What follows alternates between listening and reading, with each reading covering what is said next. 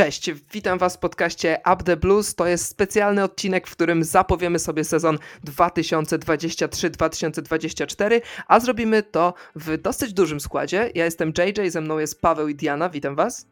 Cześć, Siemka. I podczas nagrywania będziemy się łączyć z ekspertami, z Adamem Targowskim z Piłkarzyków i z Viaplay oraz z Michałem Gutką z Viaplay, których podpytamy o najważniejsze kwestie dotyczące Chelsea w tym nowym sezonie. Ale zacznijmy na razie od dyskusji między nami i już bez zbędnego przedłużania e, zapytam Cię, Paweł, o transfery Chelsea. Od 1 do 10, jak oceniasz e, te ruchy transferowe? No i nie będę Cię pytał o to, czy okno transferowe jest dla Chelsea zamknięte, jakie pozycje powinniśmy jeszcze wzmocnić? Nie jest zamknięte. Ja oceniałbym je na mocne 7 ze względu na to, jak po prostu sprawnie pozbyliśmy się piłkarzy i ogólnie całą y, kadrę, jak w sposób ten szybki uszczupliliśmy. To mi się właśnie w tym, tym okienku najbardziej podobało. Jakie pozycje jeszcze bym wzmocnił tutaj? Niestety kontuzja Nkunko, o której będziemy y, rozmawiać y, dalej, no na pewno sprawiła, że trzeba się zastanowić nad właśnie wzmocnieniem pozycji właśnie tej typowej dziesiątki za, za y, napastnika. Mówi się, że Mauricio Pochettino chce też kolejnego napastnika. Nie wiemy jak sam Jackson sobie poradzi, bo wiemy, że on presezon miał bardzo dobry, ale te wejście do Premier League na pewno będzie musieć, y, musiał mieć troszkę czasu, a też trzeba mieć w pamięci, że gdzieś tam te mm, Puchar Narodów Afryki jest, y, jest gdzieś w przyszłości, więc Jacksona pewnie zabraknie, także tutaj potencjalne wzmocnienie jeszcze raz na pozycji napastnika, bo innych raczej transferów tutaj bym się nie spodziewał. Ściągamy młodych piłkarzy i oni po prostu idą od razu na wypożyczenie, więc te okienko transferowe oceniam jako pozytywne ze względu na duże czystki, ale też moim zdaniem perspektywiczne, chociaż nie powiem, że, że minusy są w tym okienku, bo na przykład nie mamy dalej środkowego pomocnika. Nie mamy środkowego pomocnika. Ja wierzę, że do końca okna transferowego zostanie dopięty transfer Kaisedo. Myślę też, że Tyler Adams ostatecznie powędruje na Stamford Bridge. Jeśli chcecie usłyszeć więcej o tych zawodnikach, no to zapraszamy do poprzednich podcastów, bo tam rozmawiamy i o Kaisedo, i o Adamsie, i właściwie o każdym pojedynczym transferze Chelsea. A może teraz spytajmy jednego z ekspertów, Michała Gutkę, co sądzi o oknie transferowym Chelsea. Wiedzieliśmy dobrze przed sezonem, że Chelsea potrzebuje niezłego przewietrzenia kadry i nie zaskakuje mnie liczba odejść piłkarzy z tego klubu, chociaż e, zastanawiam się, czy na pewno dobrze została rozegrana kwestia Masona Mounta. Wiem, że ta kwestia dzieli kibiców Chelsea, ale mam wrażenie, że to jednak porażka klubu, który swojego wychowanka, piłkarza, który był w bardzo dobrej formie momentami na przestrzeni ostatnich kilku sezonów, a na pewno nie był w takiej formie, która kazałaby mówić o tym, że należy go definitywnie skreślić. Nie wiem, czy takiego piłkarza po prostu nie oddano zbyt y, pochopnie. Nie chcę używać słowa łatwo, bo tam właśnie chyba rozbiło się o bardzo trudne negocjacje, ale mam wrażenie, że to jest taki ruch z klubu, którego Chelsea może żałować. Natomiast jeśli chodzi o ruchy transferowe do klubu, wydaje mi się, że to jeszcze nie jest koniec. Chelsea dalej potrzebuje przemodelowania na kilku pozycjach i żeby bić się o pierwszą czwórkę, wydaje mi się, że e, wypadałoby sprowadzić klasowego piłkarza na pozycję numer 6 doświadczonego piłkarza, bo ten środek pola może i dysponuje potencjałem, ale Conor Gallagher jest tam najstarszym piłkarzem, jakiego może dzisiaj wystawiać Mauricio Pochettino. Mm, też wydaje mi się, że taki piłkarz trochę oswobodziłby Enzo Fernandesa, dlatego wydaje mi się, że szóstka to jest jeszcze cel na na okno transferowe, no i wydaje mi się, że nadal ofensywa. Nicolas Jackson i Christopher Nkunku bardzo ciekawie współpracowali ze sobą e, podczas tych spotkań okresu przygotowawczego. Miałem okazję kilka z nich skomentować i wyglądało to bardzo obiecująco.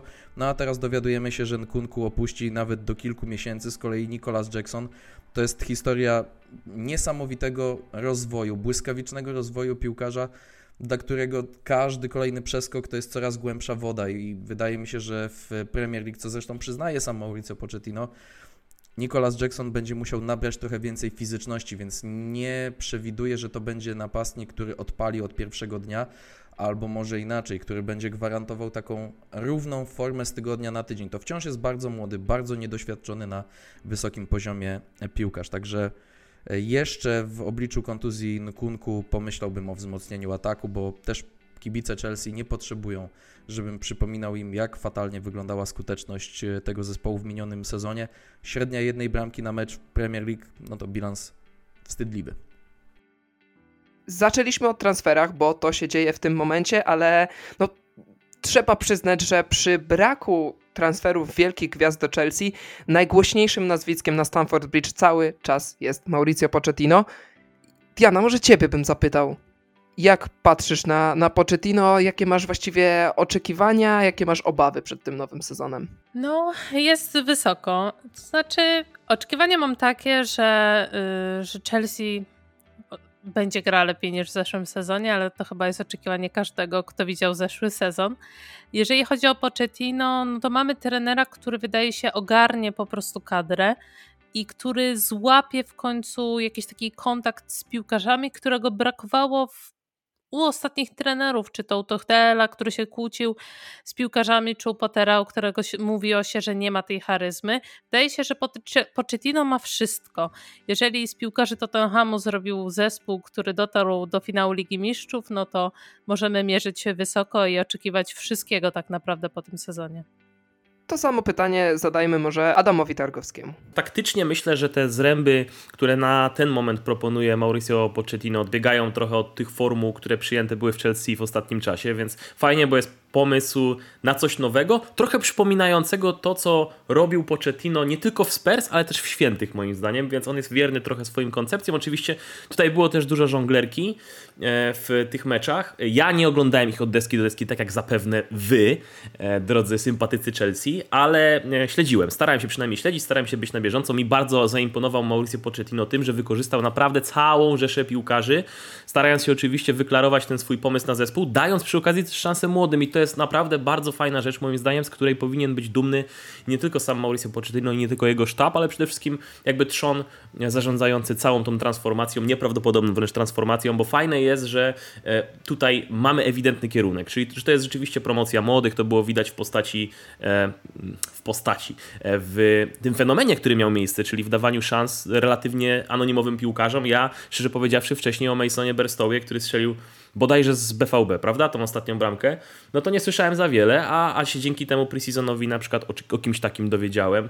Mm, fajnie, że cały czas obijały się nam o uszy e, postaci, e, z którymi moglibyśmy się e, wcześniej, przed poprzednim sezonem nie spotkać, ale się z nimi zaznajomiliśmy, jak na przykład Bashir Humphries, którego ja wciągałem na listę jednego z moich materiałów, gdzie analizowałem tam głębię kadrową Chelsea. Fajnie, że e, te postaci, które przyszły, szanse dostały. Fajnie, że te, które poprzednio miały tych szans mniej, jak na przykład Casadei, który mi się również rzucił w oczy, e, się przewinęły. Więc ogólnie rzecz biorąc, myślę, że to, co chciał zrobić pion właścicielski, zarządzający tym wszystkim poniekąd osiągnął. To znaczy, mm, zgodnie czy też spójnie z tym, co Chelsea robiła na rynku transferowym i robi na rynku transferowym, podążając za tym mm, jaskrawym modelem ściągania piłkarzy młodych i perspektywicznych, e, dostosował cały sztab szkoleniowy, który jest wierny tej koncepcji i idzie w odpowiednią dobrą stronę. Było e, kilka ciekawych takich nie do końca klasycznych, bo tak jak powiedziałem, Mauricio Pochettino to się kojarzy z grą ofensywną, e, ale było kilka ciekawych momentów, w których Chelsea była bardziej pragmatyczna, bo przynajmniej taka się wydawała. Ja na przykład oglądałem mecz z Brighton, i ten mecz akurat oglądałem w Premier League Series w całości. Te pozostałe Newcastle i Fulham e, oglądałem jedynie wyrywkowo, bazując na skrótach i czytając. No i mecz z BVB też rzuciłem okiem, ale ten jedyny taki jakby pełny mecz Chelsea, no to ten z Brighton. No i nie da się ukryć, że tam zobaczyliśmy poniekąd dwie twarze Mauricio Pochettino i jego Chelsea, przynajmniej takie jest moje zdanie, e, ale myślę, że wasze będzie dość synonimiczne, no bo e, trzeba oddać Brighton to co ich, no jednak ta e, twarz zespołu Mauricio Pochettino na tle Brighton była dość niepewna, zwłaszcza w tym pierwszym okresie, kiedy jeszcze graliśmy 11 na 11, potem wygupił się Jan Paweł Van Hecke i, i trochę to oczywiście dodało wiatru w żagle drużynie The Blues. Skorzystaliście z tego, E, pełną piersią mogliście odetchnąć, nastrzeliście gole i stworzyliście sobie bardzo komfortową e, przewagę, e, ale w tej drugiej połowie zdecydowanie inaczej to wyglądało niż w pierwszej, bo w pierwszej miałem wrażenie, że to jednak Brighton oferuje całkiem sporo i też w posiadaniu to, to było widać. Także kilka fajnych twarzy, kilka fajnych propozycji, które mogą przeistoczyć się w coś naprawdę ciekawego. Ja szczerze powiedziawszy jestem optymistą, jak patrzę na ten preseason. A to nie jest wcale regułą w przypadku tak dużych zmian i tak dużych transformacji.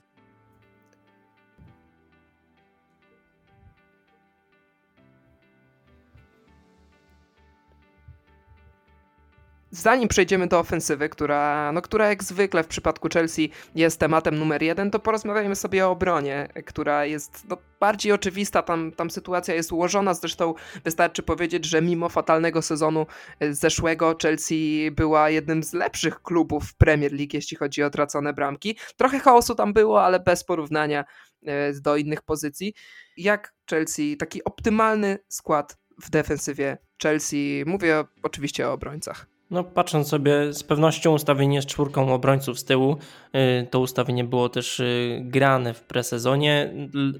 Te boki obrony bez, bez żadnych tutaj wątpliwości, Chilwell i, i James, którzy wyglądali y, nieźle. Środek defensywy tutaj wzmocnienia były, ale raczej bez żadnych zaskoczeń, że tutaj i Levi Colville oraz Thiago Silva będą stanowić o sile defensywy, jeśli chodzi o środek pola, no i wiadomo z jakimiś potencjalnymi rotacjami, ale to raczej y, i Colville i Thiago Silva będą na czele. Wydaje mi się, że można spolszczać to imię, tak przyczepiając się do, do szczegółów, ale w Anglii chyba mówią Levi Colville i nie wiem, chyba czy powinniśmy tak się trzymać takiego, e, tak, takiej wymowy. Nie wiem, tak czy inaczej, ja się z tobą zgadzam. Mamy pierwszy raz też od dawna, tak mi się wydaje, mamy mocną kadrowo tą defensywę i no i mamy backup na każdej pozycji. Wiemy już, że do treningu wrócił Badia Shield, więc można się spodziewać, że na początku września zobaczymy go już w składzie. On będzie rezerwowym Colvilla, przynajmniej na początku, może potem go wygryzie. Z kolei za Tiago Silva może wskoczyć w tym momencie Czalobach, który nie odszedł jeszcze z Chelsea i wygląda na to, że przynajmniej na razie nagrywamy ten podcast 9 sierpnia, nie jest blisko odejścia z Chelsea i może zostać. No i oczywiście Disasi, czyli nowy e, obrońca ściągnięty z Ligi Francuskiej, o którym możecie posłuchać w poprzednich podcastach. E, Paweł, co z bokami obrony? No to tak jak powiedziałem, tutaj raczej bez żadnych y, wątpliwości. Y, na wypożyczenie udał się y, Louis Hall, więc tutaj jego zabraknie, jego nie będziemy mogli patrzeć jako backup na, dla na Chiwella. Tutaj Kukureja, który z tej Chelsea w końcu się nie wydostał, chociaż on by chciał zostać, ale y, no my go się nie, nie, nie, jego się nie pozbyliśmy, więc on jest y, opcją rezerwową. Tutaj raczej Macyna bym nie patrzył ze względu na to, jak ofensywnie był nastawiony w presezonie. Y, no i prawa strona, no Benchi, Rhys James, który został ogłoszony kapitanem Chelsea na, na nowy sezon. Tutaj fantastyczna wiadomość, ale no to jest numer jeden, ale też gdzieś z tyłu jest Malogusto, który przecież w presezonie według niektórych prezentował się o wiele, wiele lepiej, więc, y, więc wiadomo też trzeba mieć y, w pamięci to, że James gdzieś kontuzjowany może w tym sezonie być, także tutaj o zastępstwo dla Jamesa być, y, martwić się nie musimy, bo Mal Augusto w presezonie prezentował, prezentował się bardzo, bardzo dobrze, ale no na sam start z Liverpoolem Ben Chilwell i Rich James na bokach obrony. Wydaje mi się, że na przykład um, Luke Shaw jest dobrym przykładem zawodnika y, i, i tego, że w przypadku, jak jest taka zdrowa konkurencja na, na, na, pozycję, to, to ta pozycja jest automatycznie dużo mocniejsza. Więc to, że będzie ktoś, kto jednak będzie próbował tego Risa Jamesa wyrzucić ze składu, to jest bardzo dobra informacja, może pozytywnie wpłynąć na, na samego Jamesa. Y, dzisiejszy news że Rhys James, właściwie potwierdzona informacja, że Rhys James zostanie kapitanem Chelsea. Drugim kapitanem ma być Ben Chilwell.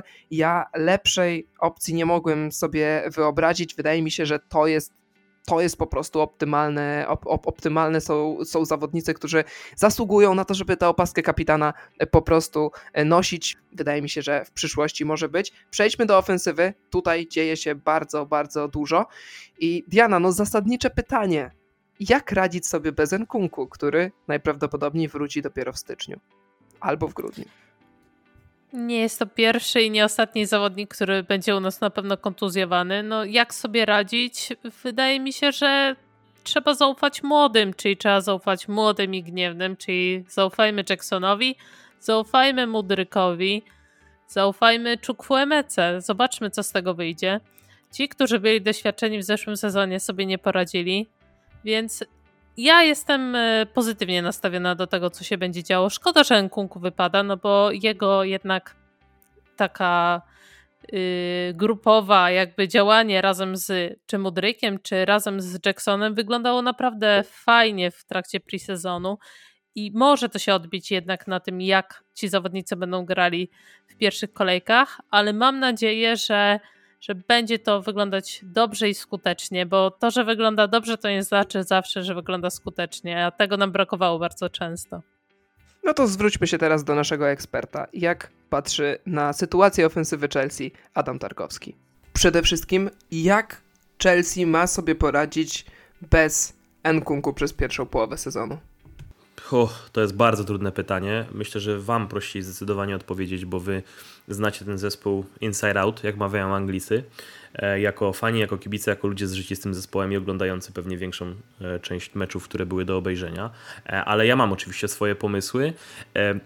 Nie jest to oczywiście teraz. Może zacznę od, od czegoś innego. Zanim przejdę do tego, co Cię najbardziej interesuje, to powiem, kto mi najbardziej zaimponował, ale myślę, że to nie będzie żadna niespodzianka, że, że to był Nico Jackson. No ja nie spodziewałem się, że on po prostu z takim impetem wejdzie do tej drużyny i, i będzie wszystkim tym, czym Pierre-Emerick Aubameyang miał być, a nie był w Chelsea.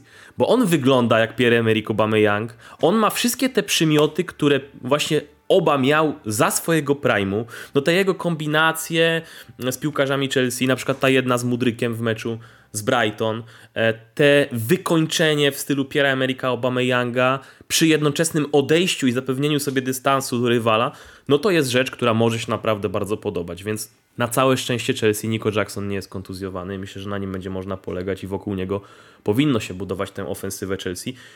Niestety nie mogę powiedzieć, że absencja Nkunku może być e, zadośćuczyniona dobrą formą Rayma Sterlinga, no bo takiej formy dobrej raczej nie ma, no chyba, że macie odmienne zdanie, ale niczego wielkiego Rahim Sterling nie zrobił, więc szkoda tutaj, że, że nie ma czym się popisać. Mm, trudno mi sobie wyobrazić, nie wiem, Jana Madsena grającego wyżej, no bo on jednak kojarzy się bardziej z tymi dolnymi rewirami, pomimo tego, że widziałem, że chyba w preseasonie był próbowany nieco wyżej.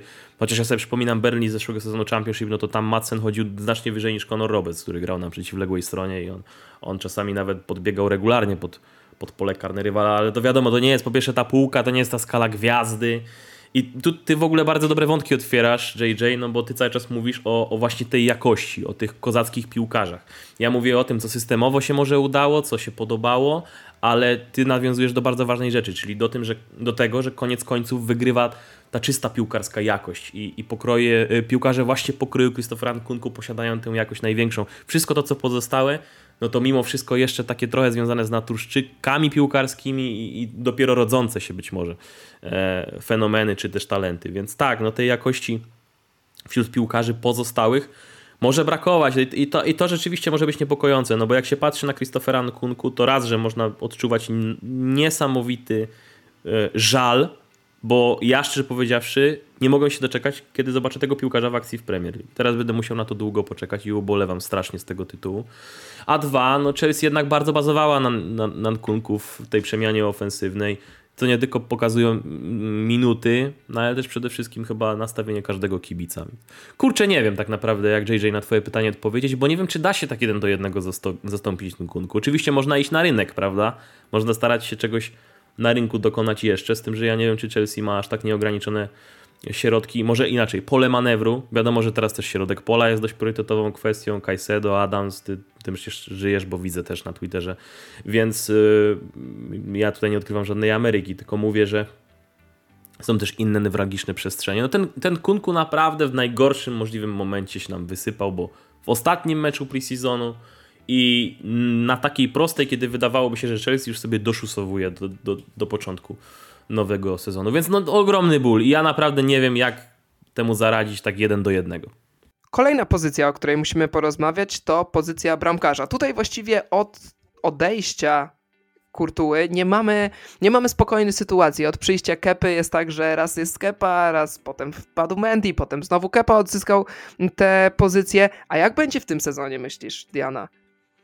Kurczę, te, te raporty dzisiejsze o Bayernie i Kepie, no dla mnie nie są zbyt pozytywne, bo pokazuje to, że zamieszanie na pozycji bramkarza jest y, dramatyczne troszkę w naszym klubie. Ja byłam pewna, że zagramy Kepą jako jedynką, mamy Sancheza do rywalizacji z Kepą, tak to przynajmniej wyglądało. Niech grają obaj, niech obaj rywalizują, niech któryś zostanie jedynką, a za sezon idziemy po taką mocną jedynkę. Ale aktualne raporty, które mówią, że możemy kepę sprzedać, kepę wypożyczyć, trochę się z tym gryzą, bo ja się obawiam tego, że Chelsea popełni jakiś głupi ruch i na przykład wypożyczy kepę, zostaniemy z Sanchezem, ale dla Sancheza też musimy mieć wtedy backup, albo idziemy pojedynkę kurczę, boję się trochę tej sytuacji, że będzie tak jak e, z odejściem Kurtuła i ściąganiem Kepy, że Chelsea popełni błąd, wyda za dużo i nie będzie to dobry ruch. To moje zdanie, ale zobaczmy, co o tej sytuacji sądzi nasz ekspert. O, myślę, że to jest zbyt późny moment, żeby rozważać sprzedaż Kepy, bo jednak Kepa, no chyba wszystkim teraz jawi się jako bramkarz podstawowy. E, oczywiście przyjście Roberta Sancheza na bazie długiego, długoletniego kontraktu. To jest chyba też 7 lat, tak? Czy może, może 6? Dług, w każdym razie powyżej, powyżej piątki na pewno Sanchez yy, ma na swoim kontrakcie. E, będzie moim zdaniem świadczyć y, o tym, że, że tu będzie fajna rywalizacja, taka raczej zdrowa i, i sam Robert Sanchez pewnie widzi się długoterminowo w Chelsea podpisując taki kontrakt, pewnie jest świadom tego, że trzeba będzie na pewnym etapie włączyć się poważnie do walki o bluzę z numerem jeden. Ale e, ja, na, ja bym wyszedł z takiego założenia. Zaczynam sezon kepą. E, jeżeli kepa będzie coś spektakularnie zawalał, nie wiem, będzie mu się regularnie powijać noga, a Robert Sanchez będzie dobrze wyglądał w treningach, to czemu nie? Zmieńmy jednego i drugiego, dajmy szansę Robertowi Sanchezowi, niech pokaże się między słupkami. E, ten moment weryfikacji tak prędzej czy później przyjdzie, czy to z uwagi na kontuzję, czy to z uwagi na rotację. E, ale gdyby mm, nie był wymuszony jednym czy drugim, tylko miał nastąpić właśnie w ramach takiego jakiegoś naturalnego cyklu słabszej formy kepy, e, to wtedy się przekonamy i tak i tak, czy, czy Robert Sanchez jest odpowiednim bramkarzem, żeby wejść w te duże rękawice w Chelsea. E, ale zacząłbym jednak kepą. No ja szczerze powiedziawszy nie należałem przez większą część czasu do grona zwolenników kepy, ale od momentu tej banicji, kiedy musiał cierpieć i siedzieć na ławce w związku z rolą bramkarza numer dwa, kiedy Edu Mendy był jedynką w Chelsea, e, do momentu obecnego, czyli do momentu okresu przygotowawczego, to raczej jakby bilans jest na plus, prawda? Więc e, nie wiem, no ja bym dał szansę Kepie i, i, i trwałbym przy nim taka by była moja hierarchia. Numer jeden Kepa, numer dwa Sanchez do momentu, aż nie trzeba będzie z uwagi na różne czynniki, które już wymieniłem, e, troszkę tej, tej um, sytuacji odwrócić.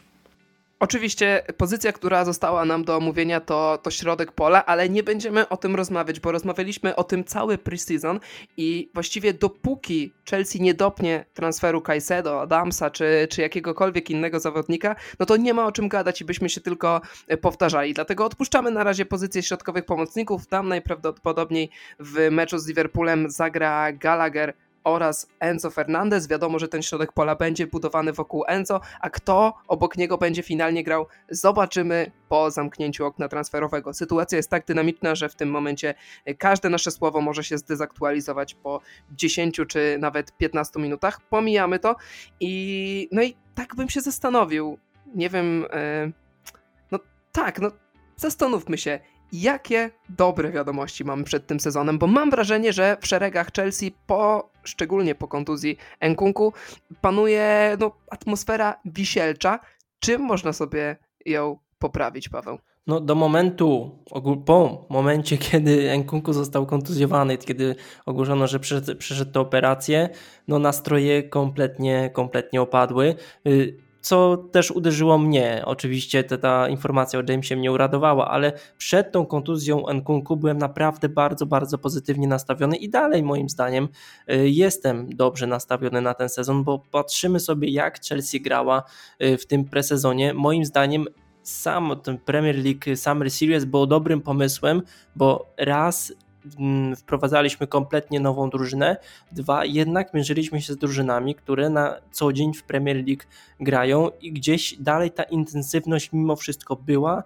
Dalej doświadczaliśmy tego, jak drużyny w Premier League y, grają, wiadomo, z mniejszym, y, mniejszym, z mniejszym zaangażowaniem, bo to presezon, ale jednak trzeba mi pozytywnie to oceniać, bo graliśmy bardzo, bardzo y, dobrze. Już od samego początku było widać zamysły Mauricio Pochettino na grę Chelsea, bo jednak było tę intensywność, tę szybkość, tę y, wymianę akcji, tę mm, zgranie, które, które moim zdaniem troszkę zadziwiało, bo jednak patrzymy sobie, że Nicholas Jackson i Nkunku grali pierwszy raz ze sobą, y, Mudryk z Jacksonem, ogólnie to wszystko jak to wszystko kręciło się wokół Jacksona, to mogło zadziwiać, ponieważ no jednak to były pierwsze mecze, kiedy grali razem. Wyglądało to bardzo, bardzo dobrze, więc y, ja jestem naprawdę bardzo pozytywnie y, nastawiony. Oczywiście nie pompujemy tutaj ogromnego balonika na początek y, sezonu i na resztę całego tego sezonu, bo jednak to wszystko może zweryfikować po prostu poziom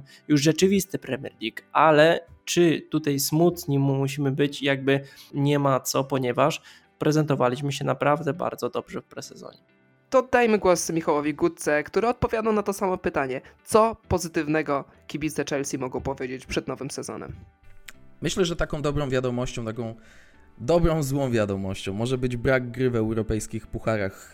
Chelsea może skupić się na lidze, Mauricio Pochettino poświęcić więcej czasu na treningi i takie obciążenie, które Chelsea przecież towarzyszyło przez dwa czy trzy wcześniejsze sezony, na pewno w jakimś stopniu wpłynęło na to, jak wyglądał kolejny e, sezon. Przecież w minionych rozgrywkach piłkarze Chelsea opuścili najwięcej meczów z powodu kontuzji. Gdyby sumować te wszystkie absencje i taki sezon nie może się powtórzyć, więc dobrą wiadomością jest też na pewno przyjście takiego trenera jak Mauricio Pochettino, który zadba o to, żeby ten skład był odpowiednio przygotowany fizycznie i taktycznie, więc y, to, że Argentyńczyk będzie miał spokojną pracę, y, taki tygodniowy mikrocykl w zasadzie w każdym momencie sezonu na to, żeby przygotowywać drużynę, może pewne procesy przyspieszyć, więc to jest takie ukryte zbawienie. Tego bym się tutaj mm, nie obawiał w przypadku Chelsea, że tych pucharów nie ma, a wy, potraktował to, wykorzystał to jako, jako potencjalną szansę i wierzę mocno w takiego trenera, jakim jest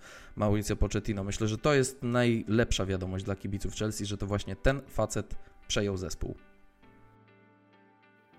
Mieliśmy pozytywy, no to teraz czas na negatywy i tutaj um, podpytam ciebie może Diana, ale, ale na początku sam powiem, że ja jestem nie to, że przerażony, ale jestem smutny, że kolejny sezon z rzędu Chelsea e, wchodzi, e, rozpoczyna sezon bez odpowiedniego przygotowania. Okej, okay.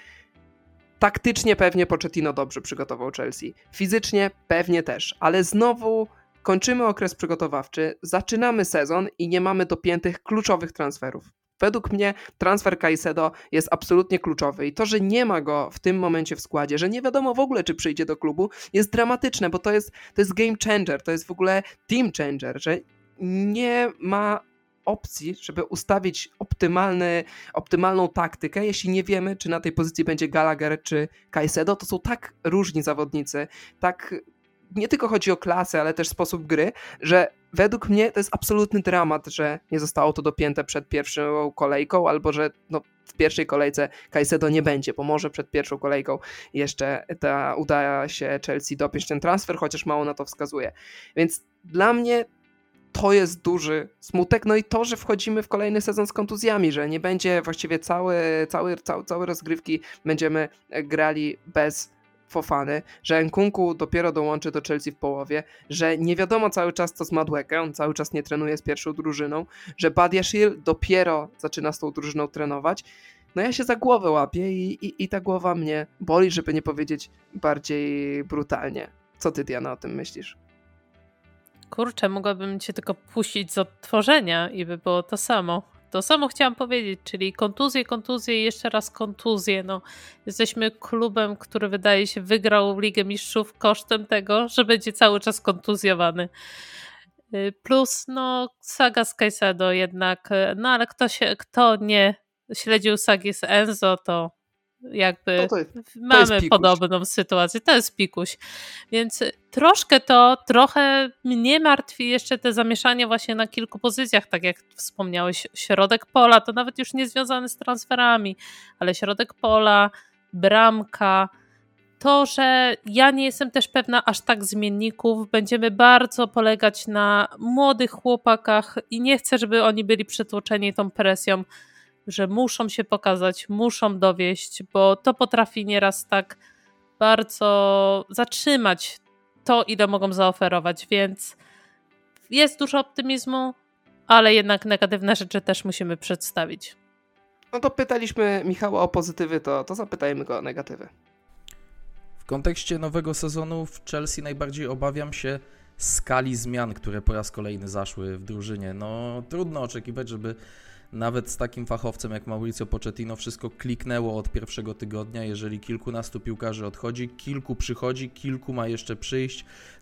Zmiany dotyczą tak naprawdę każdej pozycji, bo za chwilę może się okazać, że Robert Sanchez sprowadzony z Brighton to też nowa jedynka w bramce, więc w zasadzie w każdej formacji, na każdej pozycji układa sobie Pochettino hierarchię na nowo. Obawiam się o to, jak szybko czy jak długo ten proces adaptacyjny e, w przypadku poszczególnych piłkarzy będzie postępował, ale y, brak pucharów może być takim czynnikiem, który pozwoli skupić się Pochettino na treningach, na wyszlifowaniu tego stylu i paradoksalnie brak pucharów, co jest ujmą na honorze dla takiego klubu jak The Blues, może zadziałać y, na korzyść y, pod względem wypracowywania schematów na boisku treningowym.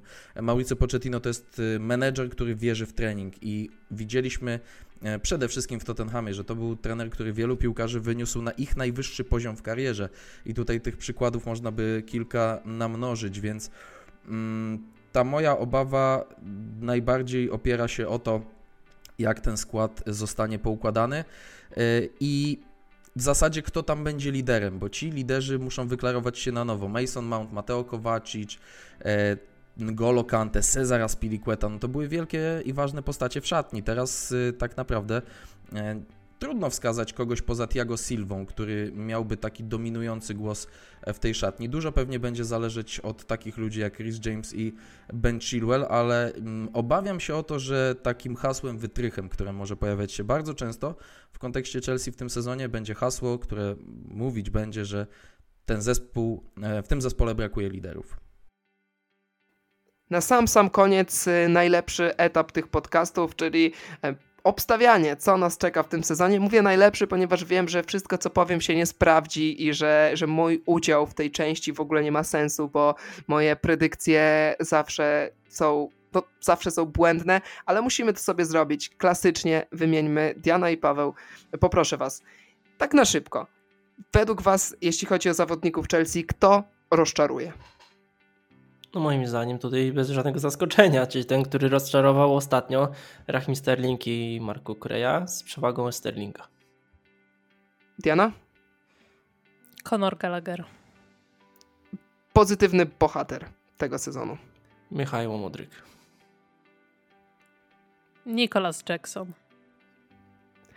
Jak pójdzie nam w pucharach? W pucharze ligi i w pucharze Anglii, no bo niestety w europejskich nie gramy. Moim zdaniem, patrząc na to, że nie gramy w Lidze Mistrzów i możemy się też skupić na tych pucharach, to przynajmniej jeden finał z tych, tych dwóch pucharów. Chciałbym bardziej finałów FA Cup, ale wiadomo, to jest o wiele cięższe, ale strzelam jeden finał z tych dwóch pucharów. Zagramy na Wembley. Kropka. Miejsce w lidze. Bo to nie jak... oznacza, zagramy na Wembley nie oznacza, czy to półfinał, czy finał. Ja po prostu mierzę w zagranie w Wembley, a co będzie to Ważne, będzie. że jak zagramy Chcesz na prostu... Wembley, to żebyście tam nie pojechali. Właśnie ja chciałem powiedzieć, że, że Diana znowu chce pojechać. Ja już walizki mam, wiesz, przygotowane na mecz z Liverpoolem. Jedziemy wtedy z Jayem, zobaczymy do trzech razy sztuka, czy będzie znowu 0-0 i karne.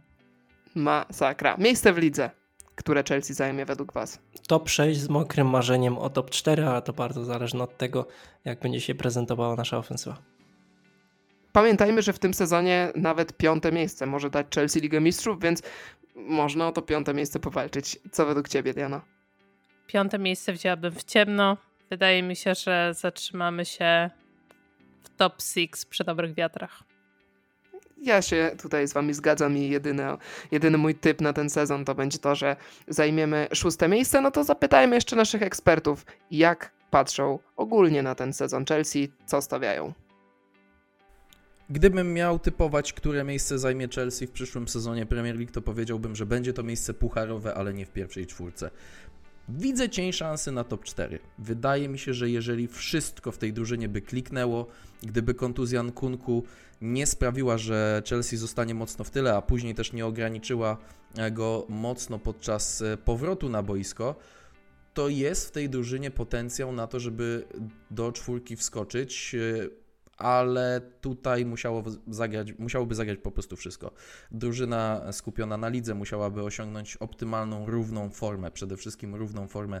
Bardzo szybko musiałaby się poprawić skuteczność mm, i to przygotowanie taktyczne i fizyczne e, za Mauricio Pochettino musiałoby być bardzo szybko widoczne. Ten efekt nowej miotły musiałby zagrać momentalnie, więc pierwsze kolejki bardzo szybko nam te typy zweryfikują, ale żeby nie pompować specjalnie balonika, bo tak jak mówię, widzę cień szansy, to nie jest jakaś duża szansa, moim zdaniem, na pierwszą czwórkę, ale żeby tego balonika zbędnie nie pompować, to stwierdzę, że Chelsea wróci do pucharów w przyszłym sezonie, ale będą to raczej miejsca 5, 6 lub 7, a niekoniecznie e, miejsce w top 4.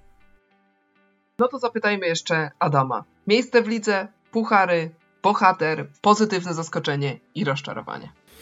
E, wiesz co, e, na pewno muszę powiedzieć, to może tak, od, od końca zacznę, czyli jakby postaci, na które liczę, albo które mi się zawsze y, będą kojarzyć z czymś pozytywnym, albo inaczej, może nie zawsze kojarzyć z czymś pozytywnym, ale na które liczę i które uważam mogą być kluczowymi w tym sezonie. Na pewno Thiago Silva, no bo to jest, pomimo tego, że jest to piłkarz nieprawdopodobnie doświadczony, ale jednocześnie też już po prostu starawy. E, brzydko bardzo powiedziałem teraz, ale, ale tak jest. E, też zbliża się do wieku emerytalnego albo już się, z nim, e, już się w nim znajduje, tylko jakoś cudownie cały czas się odmładza.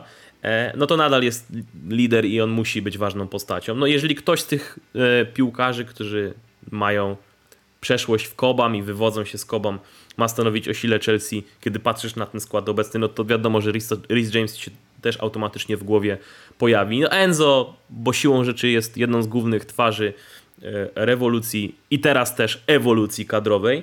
E, no i ten Tico Jackson mi się naprawdę podoba, więc tak przebrnąłem przez formację, uwzględniając oczywiście dwóch piłkarzy z bloku defensywnego i po jednym z bloku e, pomocników i z bloku ofensywnego, ale, ale te postaci to są takie jakby klucze moim zdaniem, moim oczywiście, podkreślam moim, bo ja zdaję sobie sprawę z tego, że Chelsea wnikliwiej, e, kibice Chelsea wnikliwiej to wszystko śledzą i będą mieli dużo bardziej profesjonalne podejście niż ja, e, ale to jest moje zdanie. E, a jeżeli chodzi o te pierwsze rzeczy, o które mnie pytałeś, czyli o szanse Chelsea w tym sezonie, o to, w którym momencie oni mogą odpaść i tak dalej.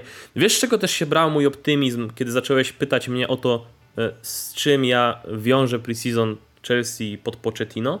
Z tym, że ja cały czas wychodzę z założenia, że Chelsea nie ma tego kluczowego rozpraszacza, który mi każe cały czas sobie przypominać o Artecie i o tym, co on mógł osiągnąć dzięki temu, że nie grał na europejskim podwórku. Wy to teraz też macie.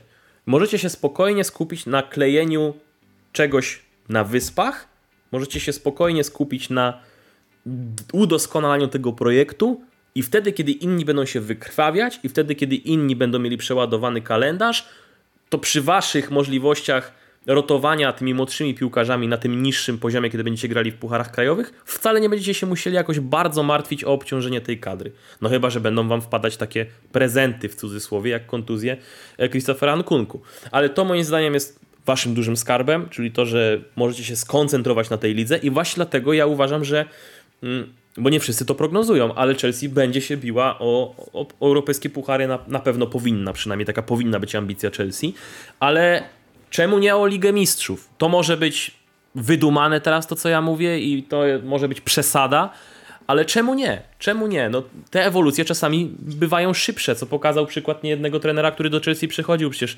my obaj mieliśmy przyjemność porozmawiać e, o trenerach Chelsea i ty sam na te pewne elementy zwracałeś uwagę, że ktoś przychodzi, ktoś odchodzi, a, a Chelsea nadal jest wielka, no bo w Chelsea nastawienie na wyniki zawsze było sprawą pierwszoplanową. Teraz może troszeczkę się podejście zmieniło, ale nadal gdzieś to tam w tym etosie Chelsea i w tym DNA tego klubu jest. Ja oczywiście nie mówię, że to jest szansa, nie wiem, 40-50%, żeby do tej Ligi Mistrzów doczłapać, ale jest. I dopóki jest, to myślę, że warto o nią walczyć.